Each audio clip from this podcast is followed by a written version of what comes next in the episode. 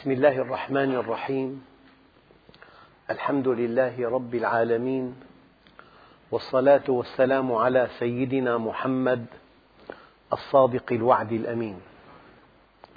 اللهم لا علم لنا إلا ما علمتنا إنك أنت العليم الحكيم. اللهم علمنا ما ينفعنا وانفعنا بما علمتنا وزدنا علما.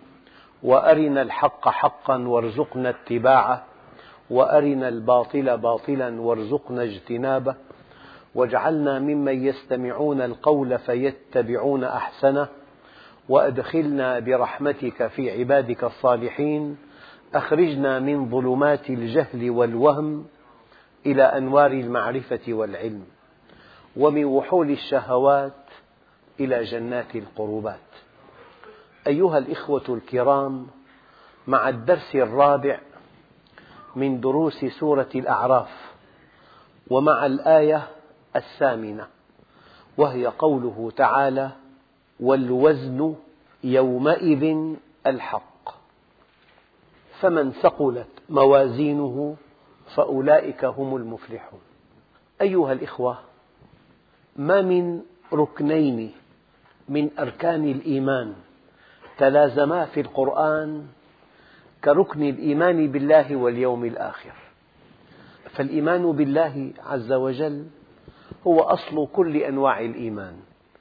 لكن ما لم تؤمن أن الله يعلم وسيحاسب وسيعاقب لن تستقيم على أمره. وقد وردت في القرآن الكريم آية هي أصل في الاستقامة. الله الذي خلق سبع سماوات ومن الأرض مثلهن يتنزل الأمر بينهن لتعلموا. اللام لام التعليل. لتعلموا أن الله على كل شيء قدير وأن الله قد أحاط بكل شيء علما. أنت حينما تعلم أن علم الله يطولك وأن قدرته تطولك وأنه يعلم وسيحاسب وسيعاقب وأنه في اليوم الآخر تسوى فيه الحسابات. يؤخذ للضعيف من القوي وللفقير من الغني وللمظلوم من الظالم. هذا اليوم حينما تؤمن به تنزاح عن صدرك هموم كالجبال. فوربك لنسألنهم أجمعين عما كانوا يعملون. لا يغرنك تقلب الذين كفروا في البلاد متاع قليل ثم مأواهم جهنم وبئس المهاد. ومكروا مكرهم وعند الله مكرهم وإن كان مكرهم لتزول منه الجبال. فلا تحسبن الله مخلف وعده رسله. إن الله عزيز ذو انتقام. ولا تحسبن الله غافلا عما يعمل الظالمون. إنما يؤخرهم ليوم تشخص فيه الأبصار. والوزن يومئذ الحق. أيها الإخوة هناك موازين في الأرض. هناك آلاف الموازين لكن الله عنده ميزان. البطولة والذكاء والتوفيق والتألق والفلاح والنجاح أن يكون ميزانك وفق ميزان الله. والحمق والغباء وضيق الأفق والجهل أن تتوهم أن ميزانك الذي هو بعيد عن ميزان الله يكفي. يعني مثلا حينما تعتقد أن المال هو كل شيء وأنك بالمال تصل إلى كل شيء وأن المال قيمة ثابتة في كل العصور وأن الذي معه المال معه كل شيء ودنياه جنة وأن الذي فقد المال ما ذاق شيئا من طعم الحياة ودنياه جهنم.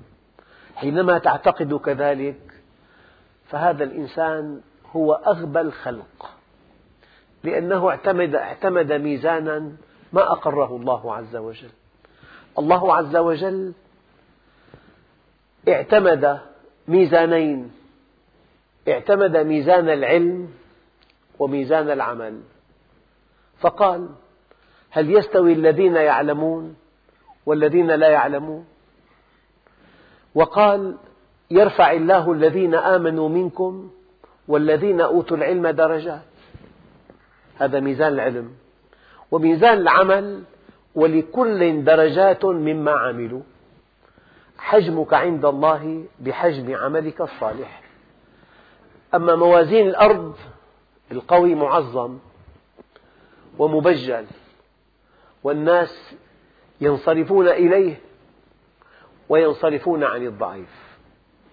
والغني مبجل ومعظم والناس ينصرفون إليه وينصرفون عن الفقير. والإنسان الوسيم مبجل ومعظم وينصرف الناس إليه وينصرفون عن الدميم. الأحنف ابن قيس كان قصير القامة أسمر اللون أحنف الرجل مائل الذقن غائر العينين ناتئ الوجنتين. ليس شيء من قبح المنظر إلا وهو آخذ منه بنصيب. وكان مع ذلك سيد قومه. كان إذا غضب غضب لغضبته مئة ألف سيف لا يسألونه فيما غضب. وكان إذا علم أن الماء يفسد مروءته ما شربه فأنت حينما تأتي موازينك مطابقة لموازين خالق السماوات والأرض فأنت أسعد الناس. أنت الموفق. أنت الذكي. أنت العاقل. أنت الفالح. أنت الناجح.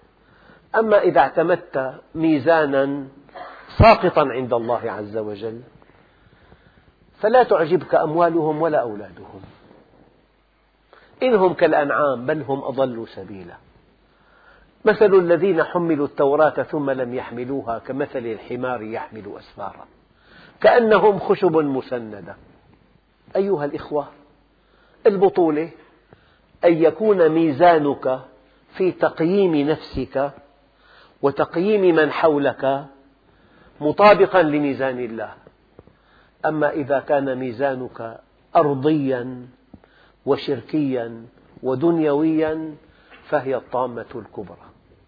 لذلك البطولة أن تأتي وفق موازين الله يوم القيامة ناجحا. أن تأتي يوم القيامة وفق موازين الله ناجحا. من هو الغني بميزان أهل الأرض؟ من كان عنده أموال طائلة. من هو الغني بميزان الله؟ من كان له عمل صالح. رب إني لما أنزلت إلي من خير فقير.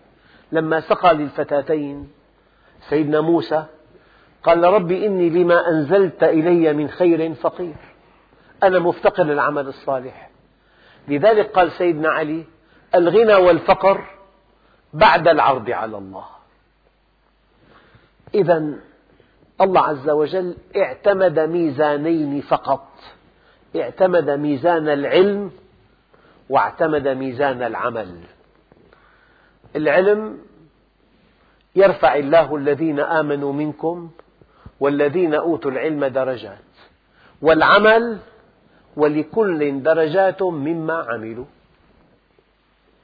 وأنت في الحياة الدنيا اعتمد هذين الميزانين في تقييم نفسك إذا كنت مؤمنا يجب أن تتمتع بمعنويات عالية جدا والمال لا تعبأ به. إن لم يستوي عندك التبر والتراب فلست مؤمنا. والله يا عم لو وضعوا الشمس في يميني والقمر في شمالي على أن أترك هذا الأمر ما تركته حتى يظهره الله أو أهلك دونه. فأنت ابحث عن ميزان الله يوم القيامة. أنت بقدر استقامتك على أمره وبقدر خدمتك لخلقه. ترقى عند الله. أما عند الناس بقدر ولائك للأقوياء ومدحك لهم وانبطاحك أمامهم ترقى عندهم. لذلك المؤمن يعتز بإيمانه ولا يعبأ بأهل الدنيا كم تركوا من جنات وعيون وزروع ومقام كريم. كذلك وأورثناها بني إسرائيل. فما بكت عليهم السماء والأرض. أيها الإخوة هذا شيء مهم جدا أن تعتمد على ميزان الله في تقييم نفسك وفي تقييم خاطب ابنتك. إذا جاءكم من ترضون دينه وخلقه فزوجوه. وفي تقييم شريكك عنده خبرات عالية جدا لكن دينه رقيق. هذا يدخلك في المال الحرام. أنت بحاجة ماسة إلى ميزان دقيق جدا. تزين به كل شيء. هذا الميزان يوم القيامة هو عين الحق. لا بد من أن أوضح. فرق بين أن يكون الميزان عادلا وبين أن يكون عين العدل. فرق كبير. لا بد من مثل. إنما المشركون نجس. لم يقل نجسون لأن الإناء إذا كان نجسا يطهر. أما النجس عين النجاسة لا تطهر أبدا. للتفريق بين الصفة والمصدر في فرق بينهما. ولله المثل الأعلى. ميزان الله عز وجل ليس عادلا بل هو عين العدل هو العدل. لذلك بعض العلماء قال الحسن ما حسنه الشرع والقبيح ما قبحه الشرع. الشرع هو الميزان. على كل شيء مهما طرح مع المعصية من فلسفات ومرغبات وزخارف لفظية ومنطلقات نظرية وتطبيقات عملية والاختلاط حضارة والاختلاط يعمل تهذيب للمشاعر. الحسن ما حسنه الشرع والقبيح ما قبحه الشرع. ابحث عن ميزان الله والوزن يومئذ الحق. ما معنى فمن ثقلت موازينه؟ الحقيقة العمل له وزن. يعني إذا أنت أنشأت للتقريب سيرك نصبته في بعض المصايف وجاءك دخل وفير. وإذا أنت كنت بدولة إسلامية مضطهدة وتمكنت أن تخترع القنبلة النووية فأصبحت هذه الدولة قوية منيعة مرهوبة الجانب. هذا الذي أنشأ سيركا كالذي اخترع قنبلة يرفع بها شأن المسلمين مثلا. أي العملين أثقل في الوزن؟ العمل الثاني في هذه الظروف الصعبة أنا أتكلم. أنت تنشئ جامعة لتخريج قادة للأمة أو أن تنشئ ملهى ليلي. في فرق كبير كثير فكل عمل له عند الله وزن. تطعم إنسان عمل صالح أما أن تدله على الله عمل أعظم. فكل عمل له وزن. بر الصديق عمل صيب لكن بر الوالدين عمل أطيب. أن تعتني بأولاد أصدقائك لباقة وذوق أما أن تربي أولادك الذين ليس لهم إلا أنت. عمل أعظم. كل عمل نعمله له عند الله وزن. العمل يوزن بنيته. قد يبتغي الإنسان من عمله أن ينتزع إعجاب الآخرين. من تعلم العلم ليجادل به العلماء أو ليماري به السفهاء أو ليصرف وجوه الناس إليه فليتجهز إلى النار. كل عمل له ميزان.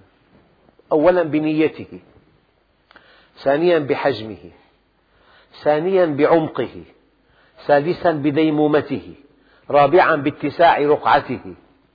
العمل له وزن. في إنسان تطعمه وجبة واحدة. أما في إنسان تهيئ له عمل يعيش منه طوال حياته. في إنسان بغض بصره عن الحرام. لكن في إنسان يأخذ بيد زوجته إلى الله يجعلها مؤمنة كبيرة. يعني الملخص كل عمل تعمله له وزن. فتحت حانوتك نويت أن تربح من أجل أن تقتني سيارة وأن تذهب إلى المصيف يوم الجمعة وأن يرتدي أولادك ثيابا جديدة تتباهى بهم أو من أجل أن تسكن بيت له إطلالة جميلة مساحته واسعة فيه تزيينات رائعة. وقد تفتح حانوتك من أجل أن تخدم المسلمين وأن تعطيهم بضاعة جيدة بسعر معتدل. فرق كبير. كل عمل له وزن وزن بنيته وزن بقدر العقبات الموضوعة أمامه وزن بقدر الصوارف التي تصرف عنه. وزن بقدر التضحية من أجله. وزن بقدر المتاعب التي حصلها الإنسان من هذا العمل. وزن بقدر المعارضين له. كل عمل له وزن. إذا أيها الإخوة ونضع الموازين القسط ليوم القيامة. في تعليق لطيف. كل إنسان له ميزان وكل عمل له ميزان. يعني معالجة المرضى. هذا عمل طبي له ميزان. بين أن تعالجه وتعتني به عناية فائقة وأن تسأله كل ساعتين عن صحته إذا كان من الأغنياء الموسرين. وتنتظر أن تأتيك منه مكافأة مجزية أو أن يضع لك في الصحيفة ثناء على علمك وعلى عمليتك الجراحية. وبين أن تعتني بإنسان فقير جدا في مستشفى عام. لا أحد ينتبه إليه فتعتني به وكأنه في أرقى مستشفى. هذا وزن وهذا وزن. كل عمل له وزن وكل إنسان له وزن. لما الذي تجاوز الخمسين يراهق كالمراهقين الصغار أبغض العصاة وبغضي للشيخ العاصي أشد. الشاب إذا أخطأ إذا أخطأ أخطأ لكن الشاب غير محصن حوله نساء كاسيات عاريات زلت عينه أخذته عينه إلى منظر لا يليق به فتاب واسترجع. شيء واللي عمره خمسين سنة وعنده زوجة وأولاد وعنده خمس بنات ومزوجهم كلياتهم ومراهق يتحرش بالسكرتيرة يتحرش بهذه هي مشكلة كبيرة جدا. هذا له وزن وهذا له وزن. كل عمل له وزن وكل إنسان له وزن. ورد في بعض الآثار أحب الطائعين وحبي للشاب الطائع أشد. أول حياته. كتلة حماس شهوات مستعرة آمال طموحات. وهو يغض بصره عن محارم الله. إن الله يباهي به الملائكة. يقول انظروا عبدي ترك شهوته من أجلي. أيها الإخوة وأحب المتواضعين وحبي للغني المتواضع أشد. غني جلس مع عماله أكل معهم سألهم عن صحتهم عن أولادهم عن مشكلاتهم. آنسهم طيب قلبهم جبر خاطرهم. هذا غني بإمكانه يتقوقع ببرجه العاجي وعنده سكرتير وسكرتار وسكرتور ممكن. ولا أحد بإمكانه أن يصل إليه. لا اتصال هاتفي التليفون مغلق دائما أو رقم خاص. ما بتعرف رقمه. بين مدير معمل غني قاعد مع عماله يؤنسهم يتلطف معهم يحل مشكلاتهم. وأحب المتواضعين وحبي للغني المتواضع أشد. وأحب الكرماء وحبي للفقير الكريم أشد. عنده بردقان قدم لك إياه تقعد مع واحد معه مئات الملايين غير فنجان قهوة دلعة ما فيه. طول السهرة. أحب الكرماء وحبي للفقير الكريم أشد.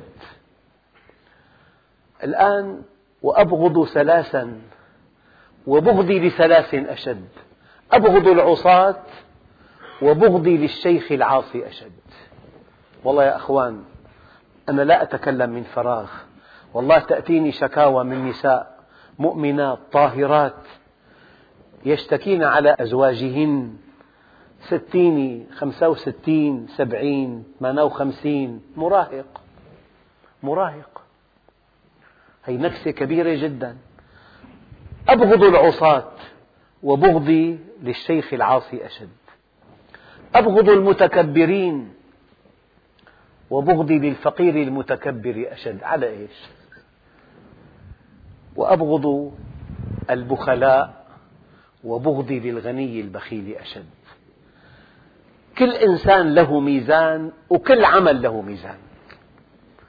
صدقوا أيها الإخوة موازين الدولة في عندها عشر مراتب وكل مرتبة ثلاث درجات يعني مليونين موظف لازم يتعلبوا بثلاثين درجة. أما الله عز وجل يقول ولكل درجات مما عملوا. إذا الله عنده ستة آلاف مليون إنسان في عنده ستة آلاف مليون ملف. كل واحد له درجة. بحسب وضعه بحسب شبابه بحسب سنه بحسب حجمه المالي. يعني دعا الخطيب إلى التبرع لصندوق العافية. واحد دفع ألف ومعه مئة مليون. وواحد دفع خمسين ليرة معه مئة ليرة. شاب صغير. رب درهم سبق ألف درهم.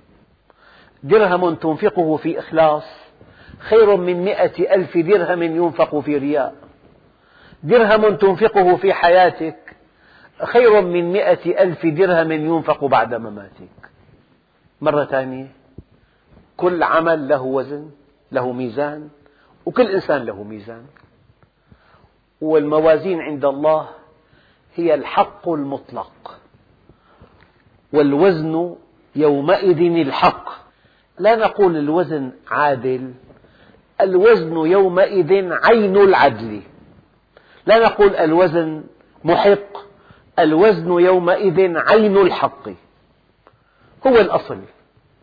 أحيانا يكون في مثلا صنجات في البلدية. هي مدروسة على الميل غرام.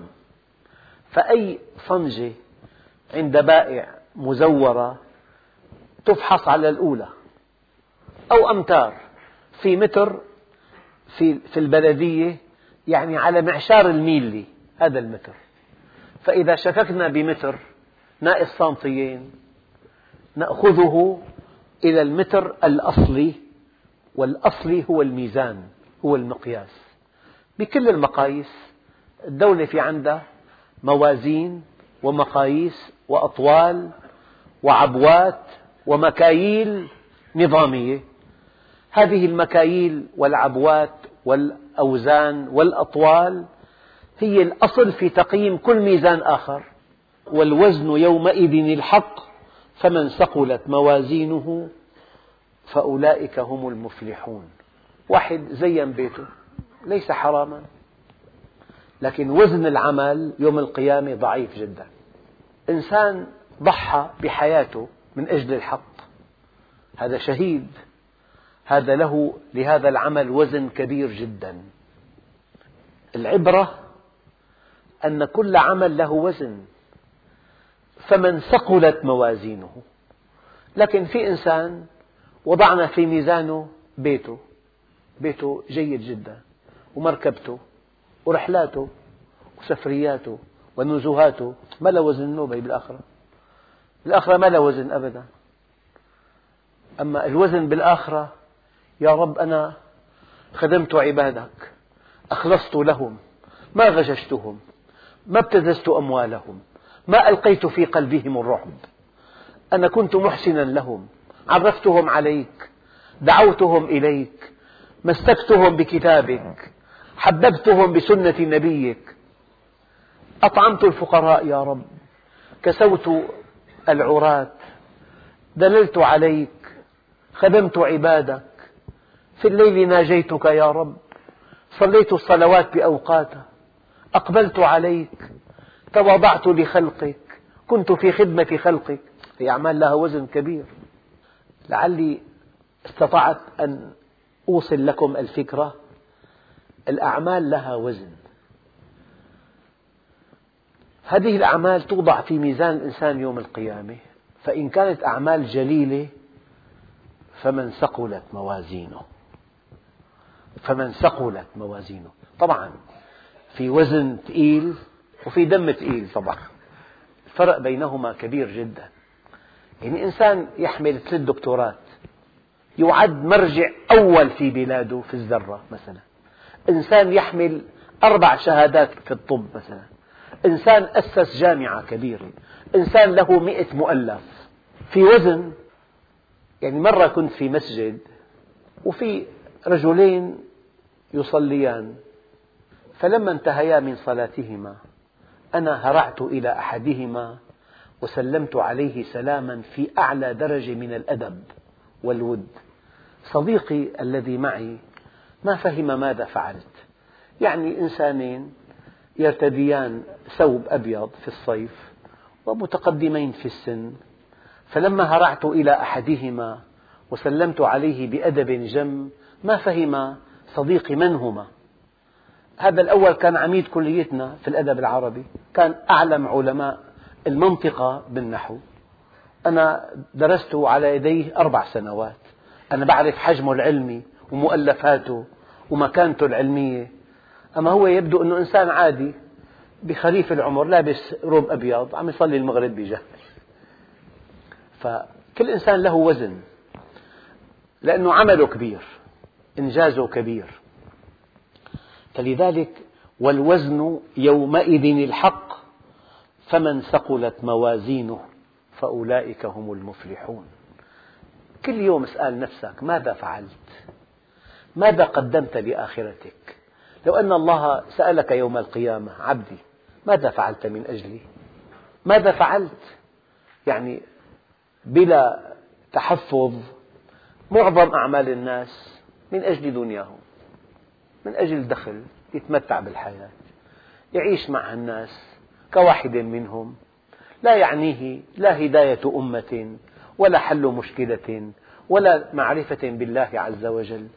فهذا الذي ثقلت موازينه فأولئك هم المفلحون يعني ناجح والنجاح ممتع جدا ولا شيء يسعد كالنجاح فأولئك هم المفلحون فيجب أن تحاسب نفسك كل يوم أو يجب أن نحاسب أنفسنا كل يوم اليوم ماذا فعلت؟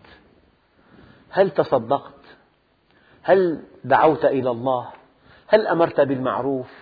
هل نهيت عن منكر؟ هل أطعمت حيوانا جائعا؟ هل رعيت أولادك؟ هل كنت بارا بوالديك؟ هل زرت فقيرا؟ هل عدت مريضا؟ هل تصدقت على مسكين؟ هل نشرت حقا؟ هل رددت باطلا؟ ماذا فعلت؟ أيها الإخوة الموازين لها مستويات يعني في ميزان يستعمل لوزن السيارات. يمكن لو وضعت عليه مئة كيلو ذهب ما بيتحرك إطلاقا. مصمم لأربعين طن ثلاثين طن فمئة كيلو ما بيساوي شيء ما بيحركوه منوب لكن في ميزان لو وزنت به ورقة وكتبت عليها كلمة محمد الكفة ترجح لوزن الحبر فقط. في ميزان لو وضعت يدك فوقه وحركت عشرة ميلي تتغير الكفة أنه الهواء ضغط على الكفة في موازين حساسة جدا. وكل ما ارتقى الإنسان تكون موازينه حساسة. النبي رأى تمرة على السرير. قال والله يا عائشة لولا أني أخاف أنها من تمر الصدقة لأكلتها. اشتهى تمرة على السرير موجودة. بس يبدو جاءه طبق صدقة لعلها وقعت من هذا الطبق. قال يا عائشة لولا أني أخشى أن تكون من تمر الصدقة لأكلتها. في إنسان عنده ميزان حساس لدرجة لو لم يرحب بفلان ترحيبا كافيا للام نفسه. إذا عنده ميزان حساس ذنبه كأنه جبل جاسم على صدره. واللي ما عنده ميزان حساس جريمته كالذبابة صدقوا أيها الإخوة والله بميزان دقيق لم أر أشد غباء من الطغاة. عم يقتلوا آلاف ملايين. كيف بيناموا؟ كيف سيواجهون الله عز وجل؟ شعوب تموت من الجوع وهم يستغلون ثرواتهم. ينهبون أموالهم ينهبون بترولهم. يقهرونهم يميتون. ساعة سلاح فسفوري ومرة قنبلة ذكية ومرة عنقودية ومرة خارقة وحارقة ومرة يعني قنبلة توجه بالليزر ومرة قنبلة نابالم حارقة ومرة طائرة ومرة قنبلة تلغي الاتصالات مرة قنبلة تبيد البشر وتبقي الحجر. في موازين دقيقة. فوربك لنسألنهم أجمعين عما كانوا يعملون.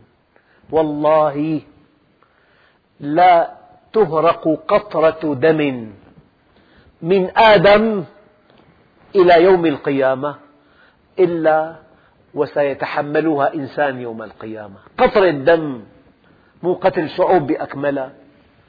قتل امرئ في بلدة جريمة لا تغتفر وقتل شعب مسلم مسألة فيها نظر.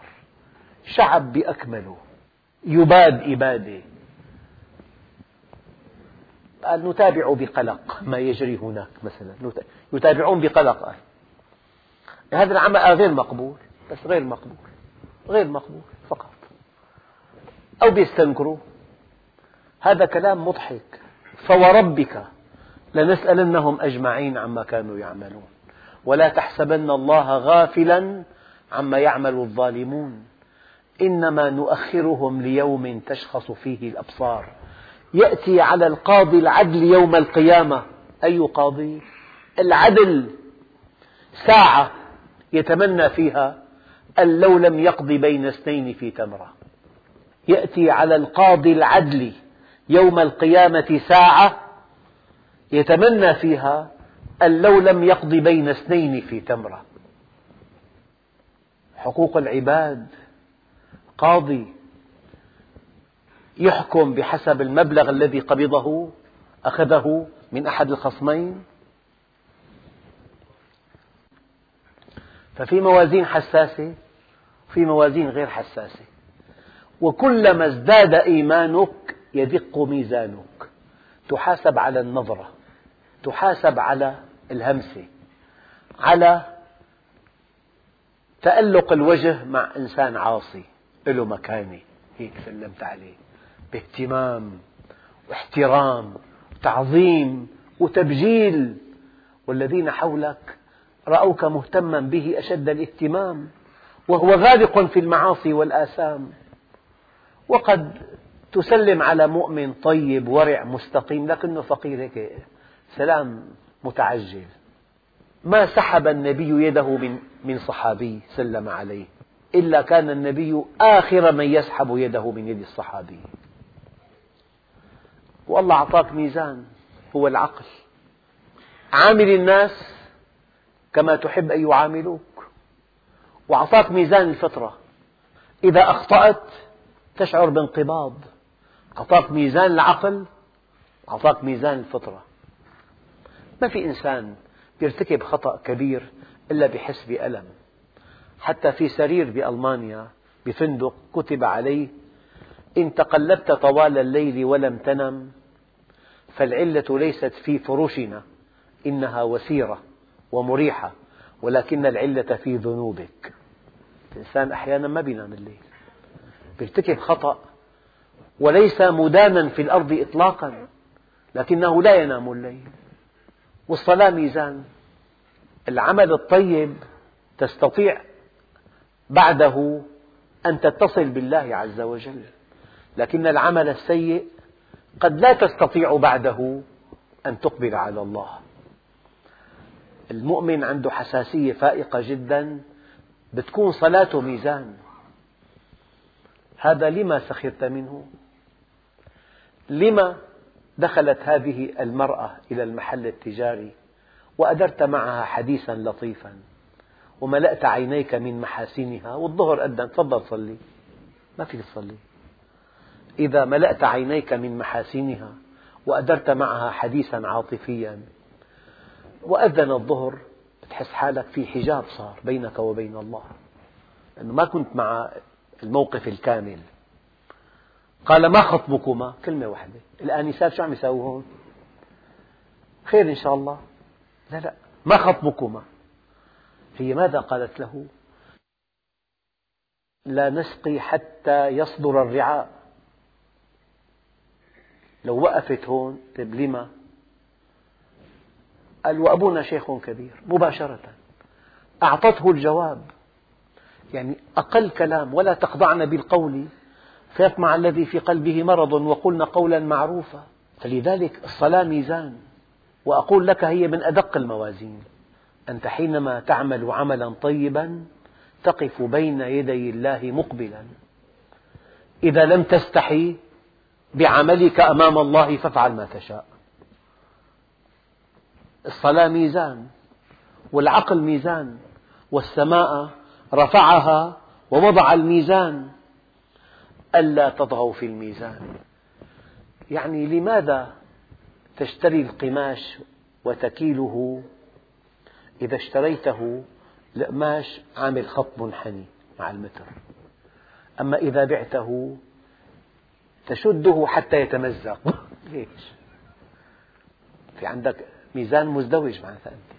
لماذا تعامل زوجة ابنك بميزان وبنتك بميزان؟ البنت ذنبها مغفور. أما زوجة الابن ذنبها غير مغفور أبدا. لماذا تعامل هذا الموظف الذي في سن ابنك تماما؟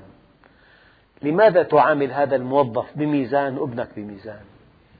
بتحمله أول توب والثاني والخامس. ما عاد في يحمل؟ شاب أنت. بيحمل ابنك أول توب والثاني بابا ظهرك أوعك. وما الصانع؟ عندك ميزانين معناتها أنت. الحقيقة ليس فقط الدول القوية المتغطرسة عندها مكيالين ست أرباعنا معنا مكيالين ثلاثة. بتكيل لكل إنسان بمكيال. يعني إذا كان بضاعة عندك منها أفضل بضاعة في الأرض. إذا قال لك زبون هي عندك البضاعة لك هي. شو بدك فيها هي؟ هي قد تكون أحسن من بضاعتك. بس أنت عندك ميزانين البضاعة ما عندك إياها إذا تبخس فيها. لو أردت أن أضرب أمثلة لا تنتهي الدروس لهذه الأمثلة. من يكيل بمكيالين.